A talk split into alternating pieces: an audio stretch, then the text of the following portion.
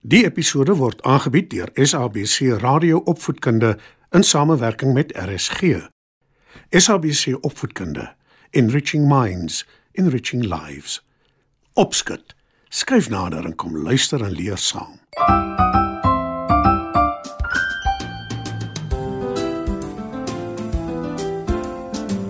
Goeienaand maats. Welkom by julle eie program Opskud. Maats, lojaliteit is een van die heel beste eienskappe wat enige een kan hê. En vanaand vertel ek vir julle 'n storie oor die loyale vriendskap tussen 'n hond en 'n olifant. Skyf gerus nader en lekker luister.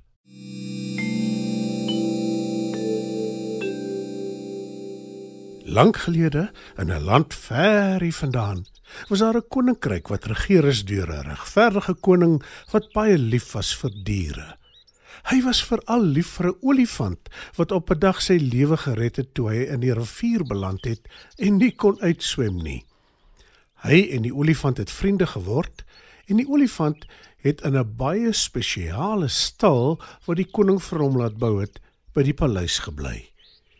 Die olifant word goed versorg en hy kry net die beste kos om te eet. Die koning besoek hom elke dag en dag gesels hy lank met die olifant. Die olifant kan enige dag wat hy wil in 'n nabygeleë bos gaan rondloop. Maar hy is gelukkig en hy bly lekker by die paleis, dus doen hy dit nie juis nie. En tog is hy soms 'n bietjie eensaam. Maar toe op 'n dag verander dit, want 'n rondloper hond vind haar weg na die paleis toe. Die olifant is besig om onder 'n groot boom in die skadu te rus. Langs hom is 'n bak met kos wat hy nie klaar geëet het nie. Die hond, wat baie honger is, begin daaraan smil. Die olifant word wakker, sien die hond en hy trompeter. Die hond skrik groot en wil weghardloop. Maar die olifant keer haar en sê: Moenie skrik nie en moet asseblief nie weghardloop nie. Ek deel graag my kos met jou. Ek kan sien jy is baie honger en baie maar. Die hond blaf vrolik en sê: Baie dankie olifant. Jy's reg. Ek is baie honger. Ek het lanklaas ordentlik geëet en ek het ook nie 'n blyplek nie. Dan bly jy van nou af hier saam met my. Antwoord die olifant. Die hond is baie dankbaar en sommer gou word sy en die olifant groot vriende. Hulle doen alles saam en dit maak die koning gelukkig om te sien dat sy geliefde olifant 'n maat gekry het. En sommer gou is die hond spekvet en gesond, want sy ly nou nie meer honger nie. Maar toe, op 'n dag, sien 'n boer die gesonde hond rondhardloop by die paleis en hy besluit hy wil die hond vir homself hê. Hy vra die koning se opsigter of hy die hond kan koop. Die opsigter dink nie twee keer nie en stem in. Die boer bind 'n tou om die hond se nek en trek haar al chankend saam met hom na sy plaas toe. Die olifant is baie ongelukkig toe hy sien wat gebeur. Hy probeer keer dat die hond weggevat word, maar te vergeefs. Nou is hy sonder sy maat en hy is weer eensaam en alleen. Hy hou op eet en staan net die hele dag en treur oor sy hondemaat. Toe die koning dit agterkom, is hy baie bekommerd oor die olifant. Hy wil by almal weet wat aangaan, maar die opsigter wat weet hoekom die olifant so hartseer is, rep nie 'n woord nie. Hy is bang die koning straf hom as hy uitvind dat hy die olifant se maat verkoop het en gee voor dat hy nie weet wat skort nie. Die koning ontbied sy veearts om die olifant te kom ondersoek. Die veearts kry niks verkeerd met die olifant nie. Maar ek verstaan nie. Hoekom wil die dier dan niks eet nie? Vra die koning moedeloos. Al wat ek kan dink is dat hy hartseer is oor iets. Antwoord die veearts. Die koning vra almal uit hoekom die olifant dan so hartseer is. Een van sy wagte sê: Die rondloper hond wat sy goeie vriend geword het, is al 'n hele ruk nie meer hier nie. Dalk treur die olifant oor haar. Ja. Dit maak sin. Gaan saam met die ander wagte. En verkondig in die hele koninkryk dat my olifant sy beste maat soek en dat enige een wat haar gesien het, haar moet terugbring na die paleis toe.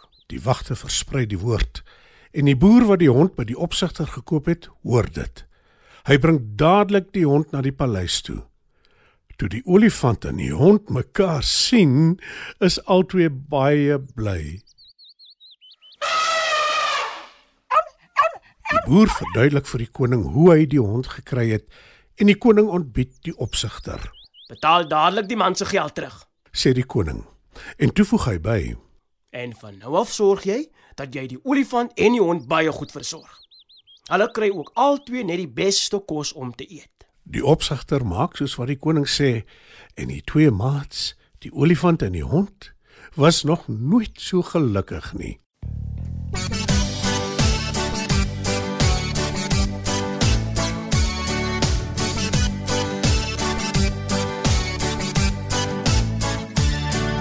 Wanneer ek soms met ons straat afstap, is daar honde by elke huis. Daar's wites en grysse, swart en bruin, daar's honde net waar jy kyk.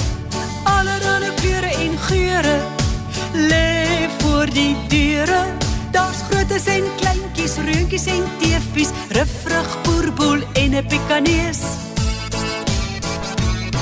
Die Franse poedel is so charmant, stap straat af aan haar nooise hand. Sy kom nou net van 'n pedikuur en strikkies wat elke oor versier. Hoor op in dieselfde straat staan 'n border collie en sy maat. Die Steffi wys die collie waar, laat dan vir die maan kan blaf. Daar's honde oral rond. Daar's 'n hond vir allerlei kleure. Daar's 'n hond vir elke huis.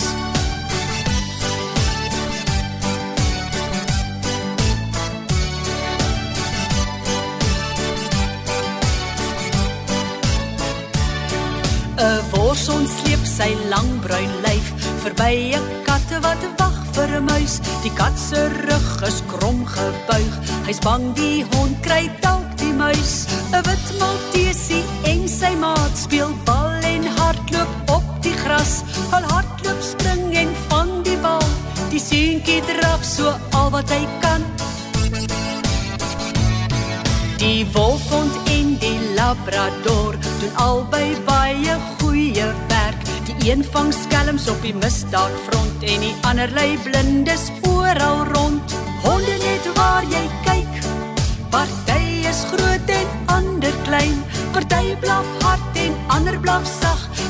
kan jou sommer lekker laat lag. Daar's honde oral rond. Daar's 'n hond vir elke huis.